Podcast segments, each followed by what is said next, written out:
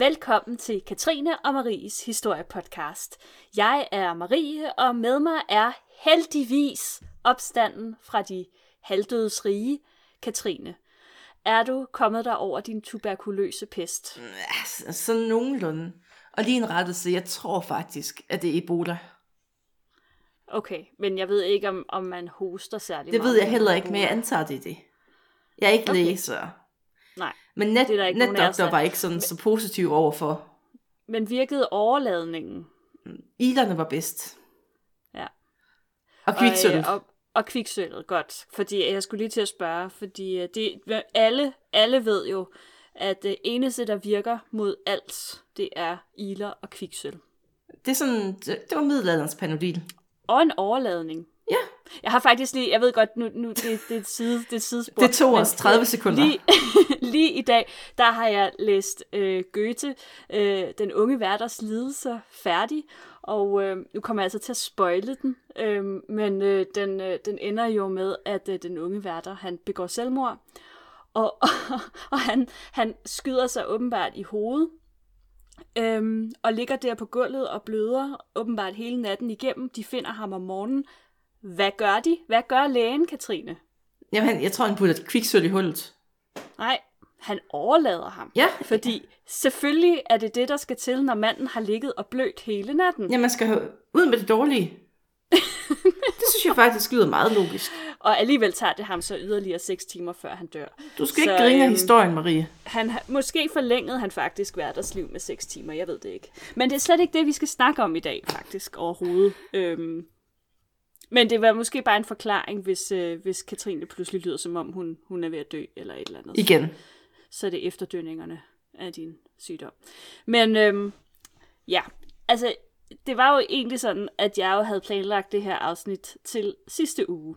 Og øhm, der havde det jo faktisk næsten været aktuelt, fordi det handler om en begivenhed, som fandt sted den 13. november i det herrens år 1002. Og nu kan jeg ikke regne ud, hvilket årsjubilæum der så er tale om. Men det er også lige meget, det er faktisk ikke rigtig noget at fejre, fordi det der skete, det var, at øh, den engelske kong Ethelred, han gav ordre til at dræbe alle danskere i England. Begivenheden, den er kendt som massakre, massakre, massakren på St. Brian's, Brian's Day, eller Danemordet. Og det lyder jo ret dramatisk, men alligevel er det ikke sådan, altså super kendt i den brede befolkning. Jeg kendte det Men- for eksempel heller ikke. I, Nej, du jeg, kendte den heller ikke. Nej. jeg melder ud. Jeg, Du, Jamen, altså, jeg, det, og jeg er helt med. Altså, øh, det er en ret ukendt begivenhed. Øhm, men det råder vi jo altså bod på i dag. Øh, vi skal tale om, hvad der egentlig skete. Vi skal tale om, hvorfor det skete. Og øh, ikke mindst øh, lidt om, hvilke konsekvenser det måske havde for øh, den videre historie. Jamen altså, det ikke godt? fantastisk. Ah, det er fantastisk. Men først og fremmest, så kan man spørge sig selv, hvorfra ved vi, at danemordet overhovedet fandt sted? Og der, der vender vi os imod vores bedste venner, skriftlige kilder. og der er især to, der er vigtige. Ja. Den ene er et øh, dokument, som er skrevet af selveste den, den engelske kong Ethelred himself i 1004. Altså det er to år efter selve begivenheden har fundet sted. Og dokumentet er skrevet til kirken og klostret i Oxford og forklarer, hvorfor kongen har skænket jord og ejendom til kirken. I teksten, der forklarer han, at i 1002, der gav han ordren til, at alle danere i England, de skulle dræbes. Han beskriver, hvordan beslutningen den blev truffet af kongen selv og hans rådgivere, og at den skulle ramme alle de danere, der med hans egne ord var skudt op som ukrudt over hele England. Ukrudt simpelthen. Næsten en, en retorik, man kan, man kan kende på en eller anden måde. Den, den lyder bekendt. Det, det var, den, det var altså clean Brexit, han havde gang i der. det må man sige. Ethelred han forklarer sig yderligere, at de danere, der havde bosat sig i Oxford, de forsøgte at flygte. Måske kan man godt forstå dem. Wonder why. De, wonder why. De søgte så hen til øh, en kirke i Oxford, hvor de barrikaderede sig. Og øh, da Oxfords borgere ikke kunne drive danerne ud af den her kirke, så så de sig altså nødsaget til at sætte ild til kirken. Og det synes Ethelred i øvrigt, det var helt okay. Fordi ordren, den var jo givet af ham, og Oxfords borgere, de gjorde egentlig bare, hvad de har fået besked på. Ja, Så det, det er altså, fair nok. Fair nok så må man godt brænde en kirke ned. Uden, Det var uden altså normalt ikke sådan... Det var ikke halal, kan man sige. Nej, det var det godt nok ikke. Den anden væsentlige kilde til begivenheden, det er den angelsaksiske krønike, som giver lidt mere kontekst.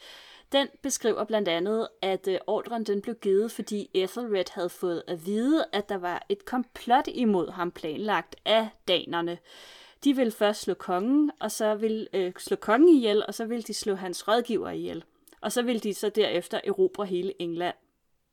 Krøniken den beskriver desuden, at ordren den skulle udføres på ja, St. Brices dag, eller St. Britius dag hedder det måske på dansk, og det øh, var altså den 13. november. Krøniken den giver også nogle andre informationer, men dem vender vi tilbage til senere. Så, lad os lige opsummere.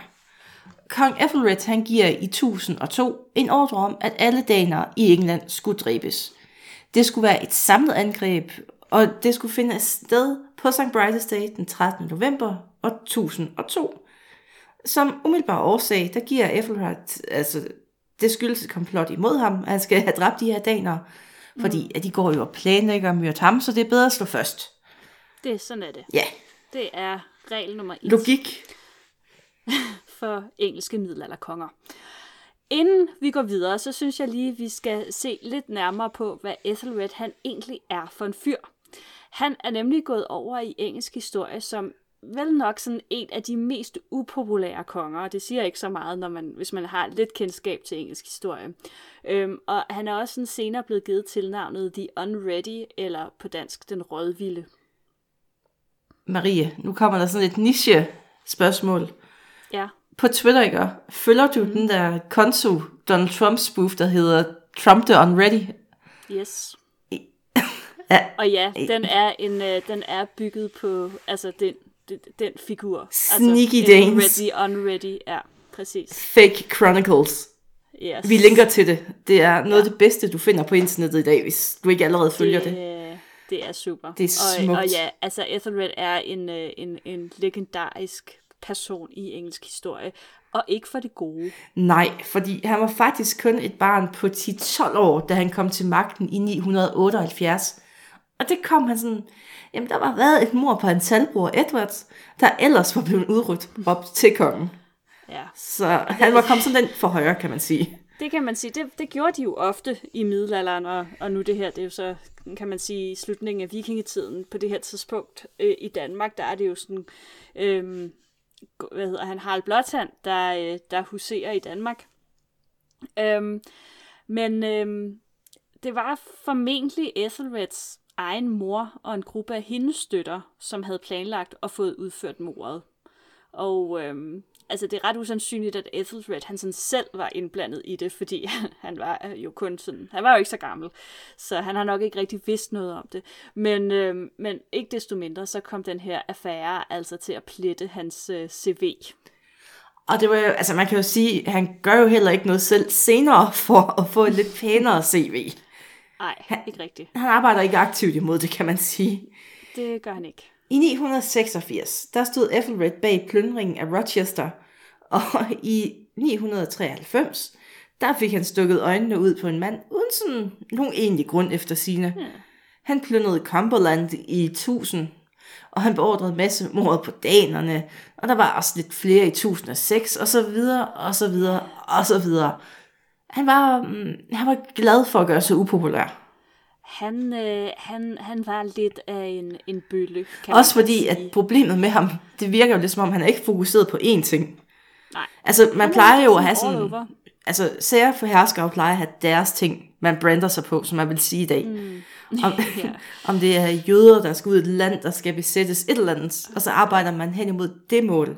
Han er sådan lidt, jamen, så plyndrer vi dem, så myrder vi dem. Ja. Han- Han... Altså, og man kan sige, det er jo aldrig, altså, nu kan man selvfølgelig, øh, vi vender tilbage til det lige om lidt, hvordan, sådan, altså, hvordan England ligesom er struktureret på det her tidspunkt, men det er sådan delvist forenet, altså et samlet kongedømme, og man kan sige, at, at, øh, at det er aldrig sådan rigtig godt for en konge at sådan plyndre sit eget land. Det kan godt give lidt dårlige vibes, vil jeg sige.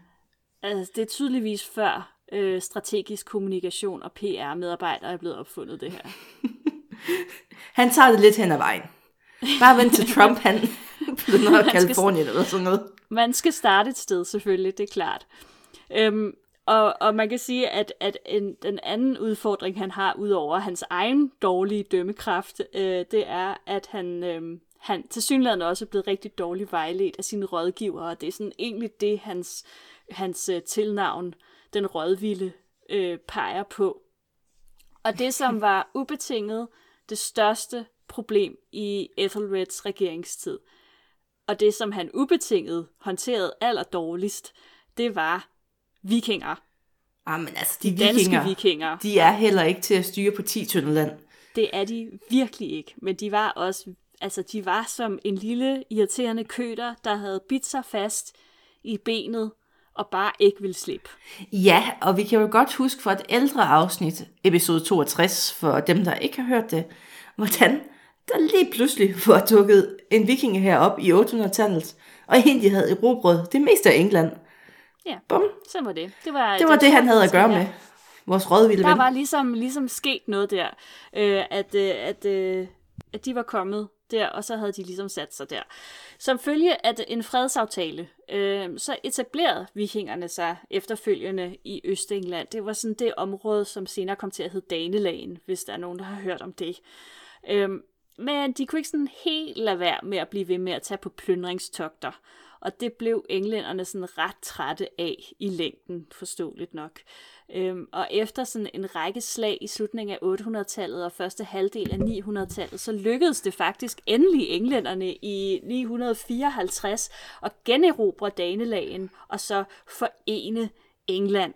Så det vil sige, at de ligesom af, altså, opløste det her danelagsområde, som jo havde, det var sådan en virkelig sådan dansker ghetto. Det var sådan lidt ligesom man har det nede i, på, i Sydspanien nu, ikke?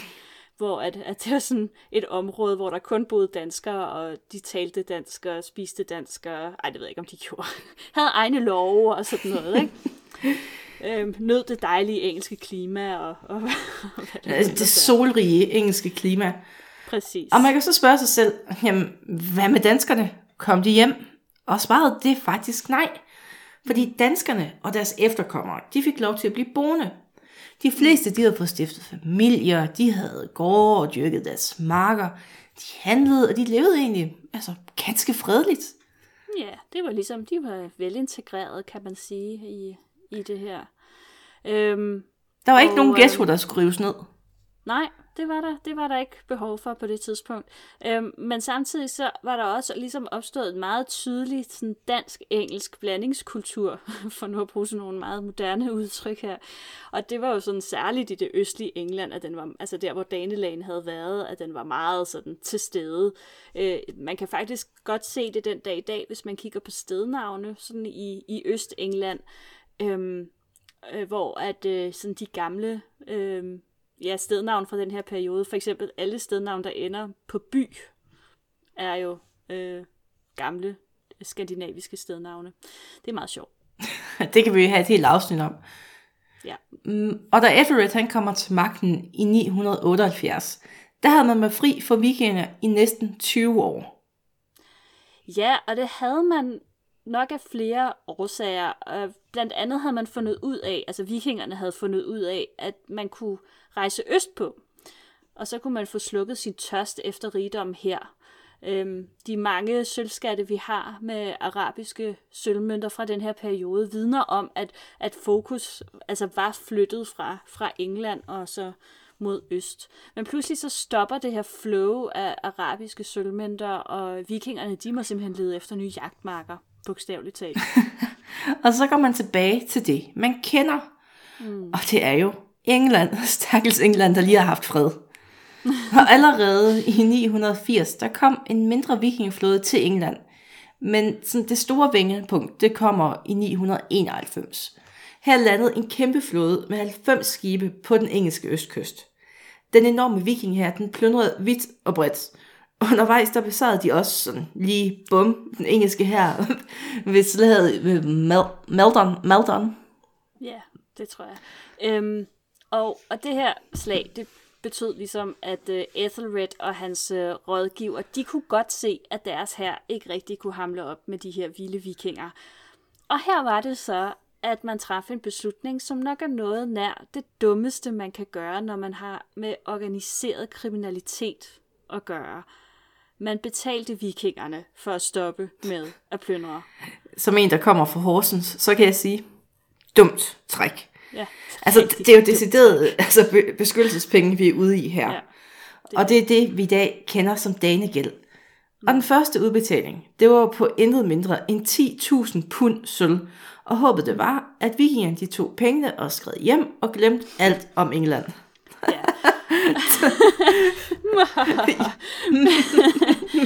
altså, det kan vi jo sagtens sidde og grine af. Og Vikingerne, de var jo ikke dumme. Og hvis man nu ved, at den engelske konge udbetaler store summer bare ved truslen om, at man kommer og plyndrer, ja, så er sagen jo ligesom oplagt. Jeg ved godt, hvad jeg vil gøre. Ja, og nu begynder vi så på det, man vil kalde en dårlig cyklus for Ethelred. det går sådan, at vikingerne, de truer.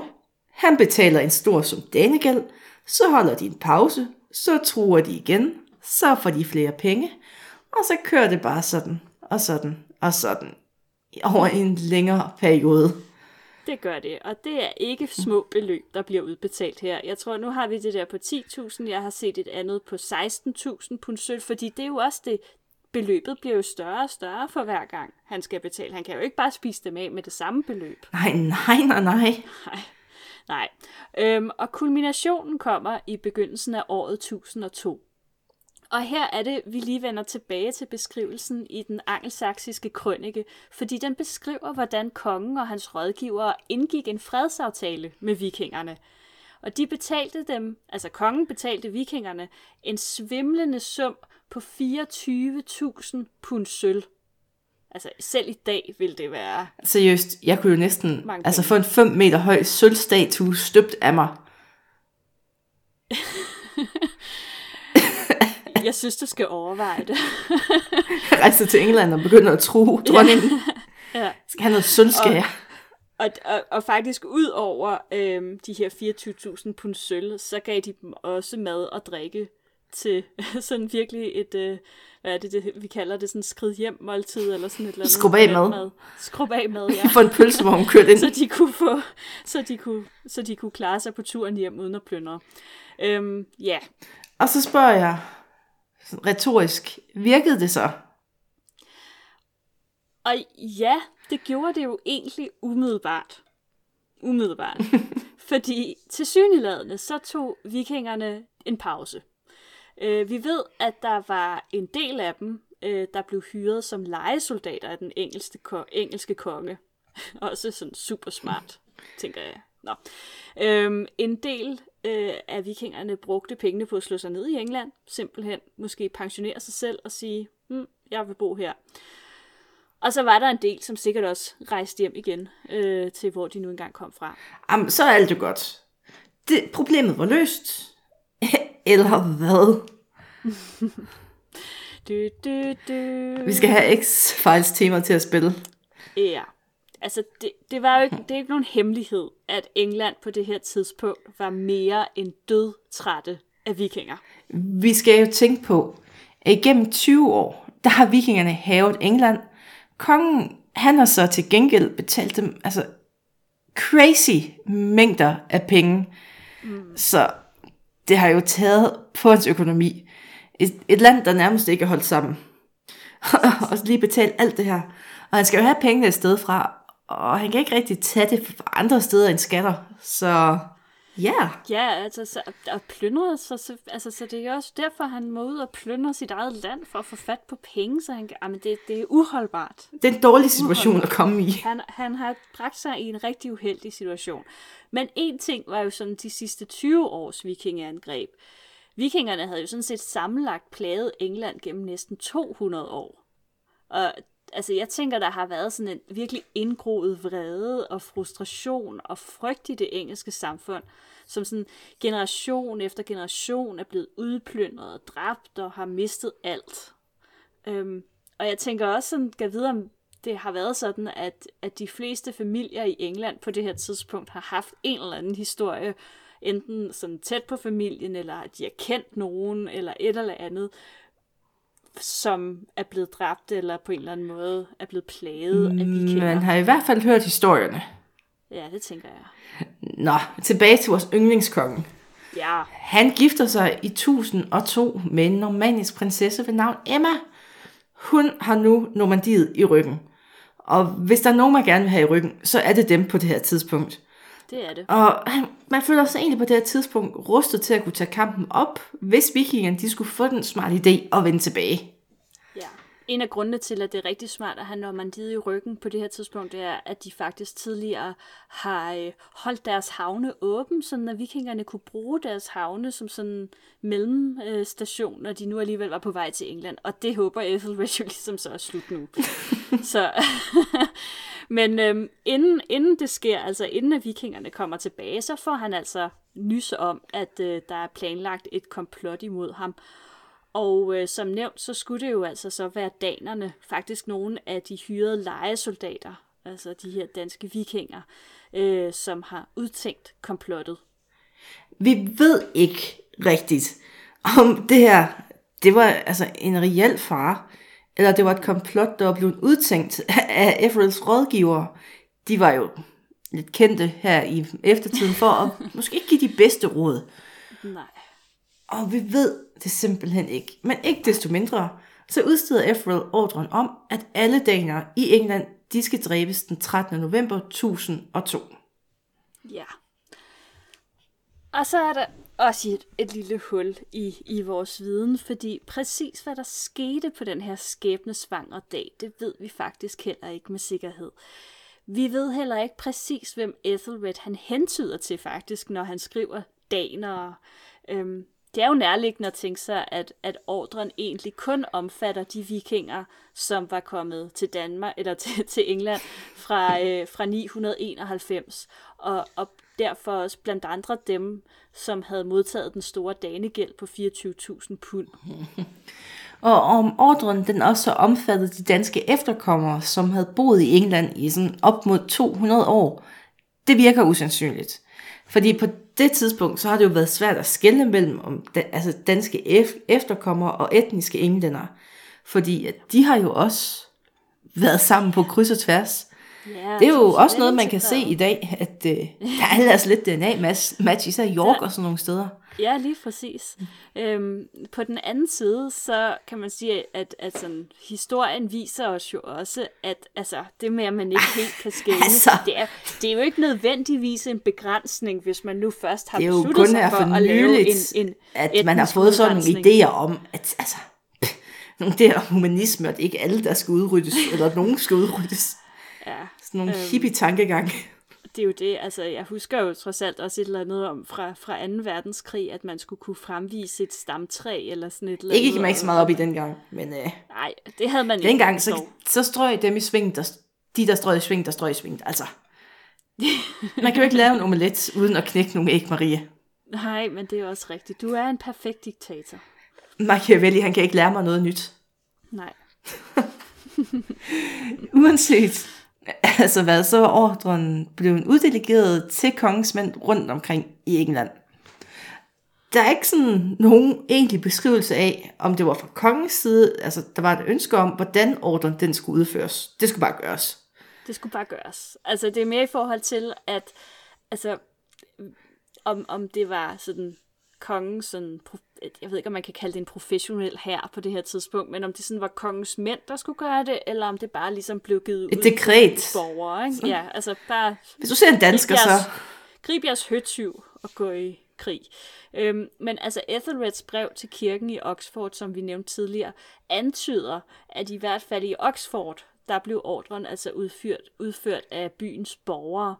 Og jeg t- man kan jo kun, man kan kun forestille sig, hvordan sådan et foretagende, det kan løbe fuldstændig løbsk.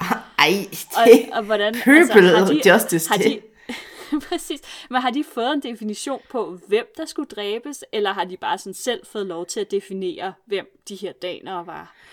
en god tommelfingerregel, som historien har lært mig. Med sådan en pøbel, så tager man den dummeste IQ, og så dividerer man det med antallet af folk, der er i pøblen. Og så ved man sådan cirka, hvilket niveau de er på. det, er sådan, det er sådan, så ved man cirka, hvor det ender. og, du, og du tillægger ikke borgerne i Oxford i 1002 særlig meget, kan jeg høre. Nej. Nej. Nej. de skriftlige kilder, de er tavse på det her om det her punkt. Men så er det jo heldigt, at vi har de der arkeologer. Ja, er det ikke, Katrine? jo. I 2008, der gjorde engelske arkeologer et makabert fund på en udgravning i Oxford. Ja, fordi her fandt man en masse grav med 35 skeletter, som lå hulter til bulter. Det var alle sammen mænd i alderen 12-40 år, og de var alle sammen blevet brutalt myrdet. Vores bedste ven, kulstof 14-analysen, den mm. viste, at graven stammer fra omkring år 1000, sammenholdt med strontium-isotop-analyserne, så er forskerne efterhånden ret sikre på, at skeletterne de har været ofre for danemordet i 1002. Ja, og det lyder måske sådan lidt farfetched. Men altså, det, det er sådan set ret godt underbygget. Øhm, noget af det, man også har kigget på, det er, at mændene, de var sådan ret kraftigt bygget. Deres knogler var kraftige. Det er vi jo her i Danmark, eller noget. Øhm, og så var de også højere end gennemsnittet for den almindelige englænder på det her tidspunkt. Men til gengæld passer det så med gennemsnitshøjden i Skandinavien. Og så er det de her strontium-isotop-analyser, som desuden viser, at de på et tidspunkt, altså de er ikke født i England, de her folk. De er kommet dertil, og de har levet et, et, en tid i deres liv i en del af Europa, som omfatter, Dan- som omfatter Danmark. Der var to ting, der kendetegnede skeletterne. For det første, så var der en brutalitet, man kunne spore på de her knogler. Alle de var blevet hugget og stukket ihjel i hvad der lignede altså en blodrus. Det var ikke bare sådan et stik, der var virkelig nogen, der var gået til den. Det er bare gået mok. Og i nogle tilfælde, der kan man se altså på skadernes altså placering, at offeret det har knælet eller ligget ned, da de har modtaget de her altså stik. Og i nogle tilfælde, så ser det også ud til, at der har været flere til at hugge personen ned. Altså, vi snakker lidt om øh, vores pøbel igen. Ja, lige præcis. Øhm, det andet kendetegn var, at øh, skaderne de hovedsageligt sad i skeletternes ryg og deres bækkenparti. Der er ikke nogen af dem, der havde tegn på afværgeskader. Altså, at man har holdt armen op, eller et eller andet? man har holdt armen op for at beskytte sig, eller for at forsvare sig, eller et eller andet. Og noget kunne altså tyde på, at, at de er blevet angrebet bagfra, eller har forsøgt at flygte, da de blev angrebet. Forskerne, de kunne også se, at skeletterne, de ikke havde gamle skader. Der var ikke noget, der tydede på, at de havde været krigere. Kun to af de 35, de havde mærker, som kunne tolkes som helede krigsskader. Der var et sværhug i den ene arm og et hug i et kranje. Der var også en af de døde, som var en øh, cirka 18-årig mand. Han har faktisk været så syg af tuberkulose, at han knap nok har kunne bevæge sig. Men alligevel er han blevet hugget fuldstændig brutalt ned, sønder og sammen. Hug, stik, bang. Hug, stik, bang. Ja. Nogle af skeletterne, de havde desuden brandskader. Knoglerne var delvis på kullet, og det kunne forskerne ikke umiddelbart forklare med andet, end de måske havde opholdt sig i eller lige uden for en brændende bygning, da de døde. Man kan godt forestille sig, at så var de blevet trukket ud, og så fået ja, nogle, hvad var det, du sagde, hug, stik, bang. Og så havde man bare lavet den ligge, og så havde man sat ild ja. til huset, og så var der nogen, der kom og samlede dem sammen, da de lugtede for meget. Lige præcis, ja. Øhm, det er meget sandsynligt, at skeletterne fra massegraven afspejler nogle af kong Ethelreds ofre for den her massakre. I øh, kilden, altså det her brev, øh, Ethelred skriver til kirken i Oxford i 1004, øh, der beskrives det jo, hvordan danerne forsøger at flygte, at de gemmer sig i kirken, som derefter brændes ned.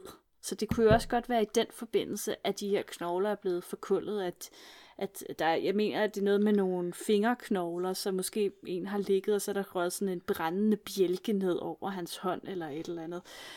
Og man kan jo kun forestille sig den her grusomme scene, hvor mændene sådan halvkvalte af røgen kommer ud fra den brændende kirke, for så at blive brutalt hugget ned af den her ventende flok englændere, der står udenfor.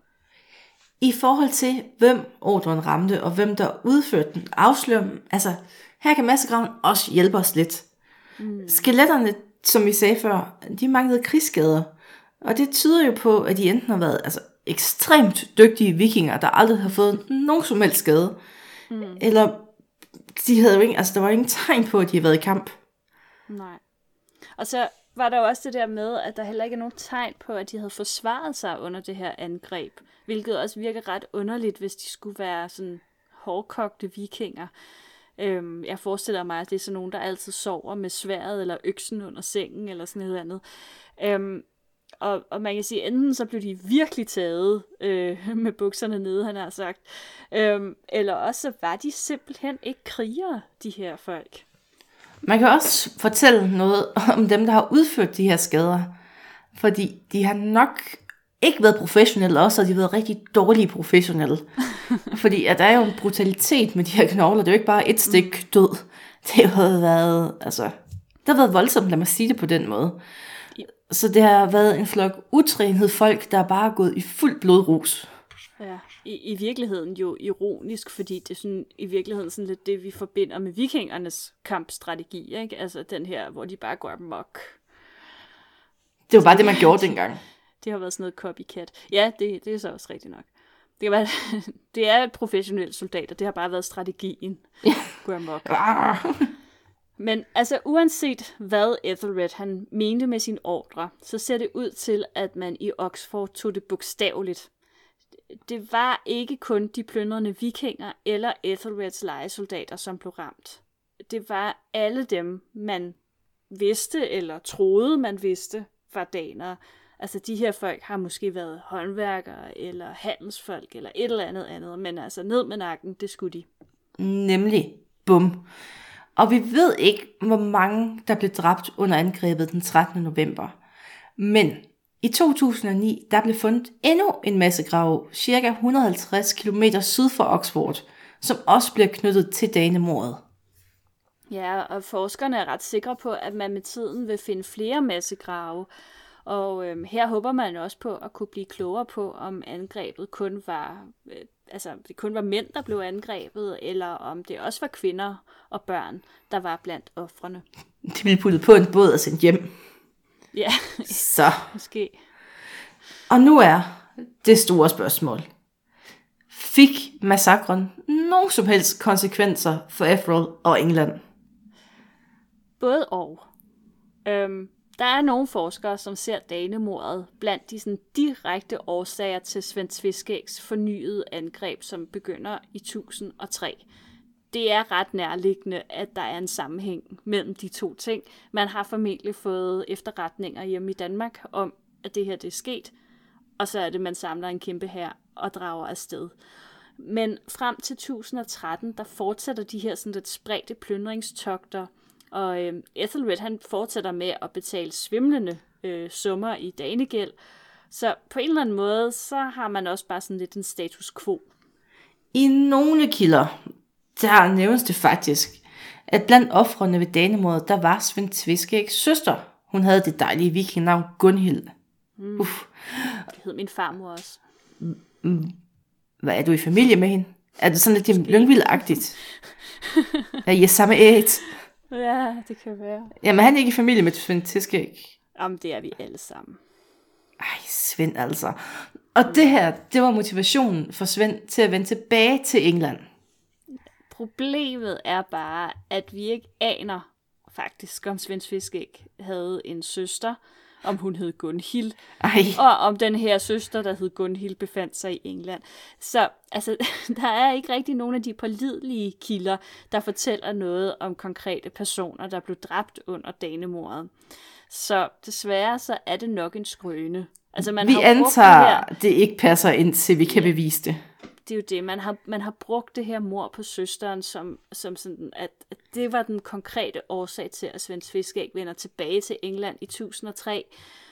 Men altså, jeg tænker, at, at, at jeg tror, at selve danemordet i sig selv øh, kan have været årsag nok. Det behøvede ikke at kræve, at der var en søster, der blev dræbt. Ej, men det, det var ellers en god historie. det er det. Men til gengæld ude i virkeligheden, der fortsatte vikingtogterne til England. Og i 1013, der gik det så helt galt for Ethelred. Fordi det, der Svend Fiskæg jo så erobrede landet og tvinger ham i eksil. Dumme Svend. Ja, dumme Svend. Øhm, og stakkels Ethelred. Øhm, men øh, han, øh, han aner lys for enden af tunnelen, fordi Svend han dør allerede året efter øhm, i England. Så altså, der, der, der er ikke, det er meget kortvarigt.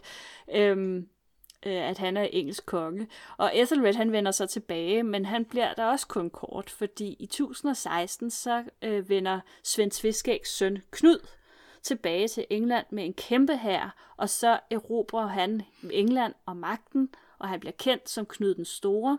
Og i øvrigt så gifter han sig så også med Ethelreds hustru, Emma. Men det er en anden historie. Ej. Og Ethelred, han bliver så i øvrigt dræbt i et slag ved London i 1016, så... Knud så altså. Så, men der har vi Knud den Store, øh, Ethelreds...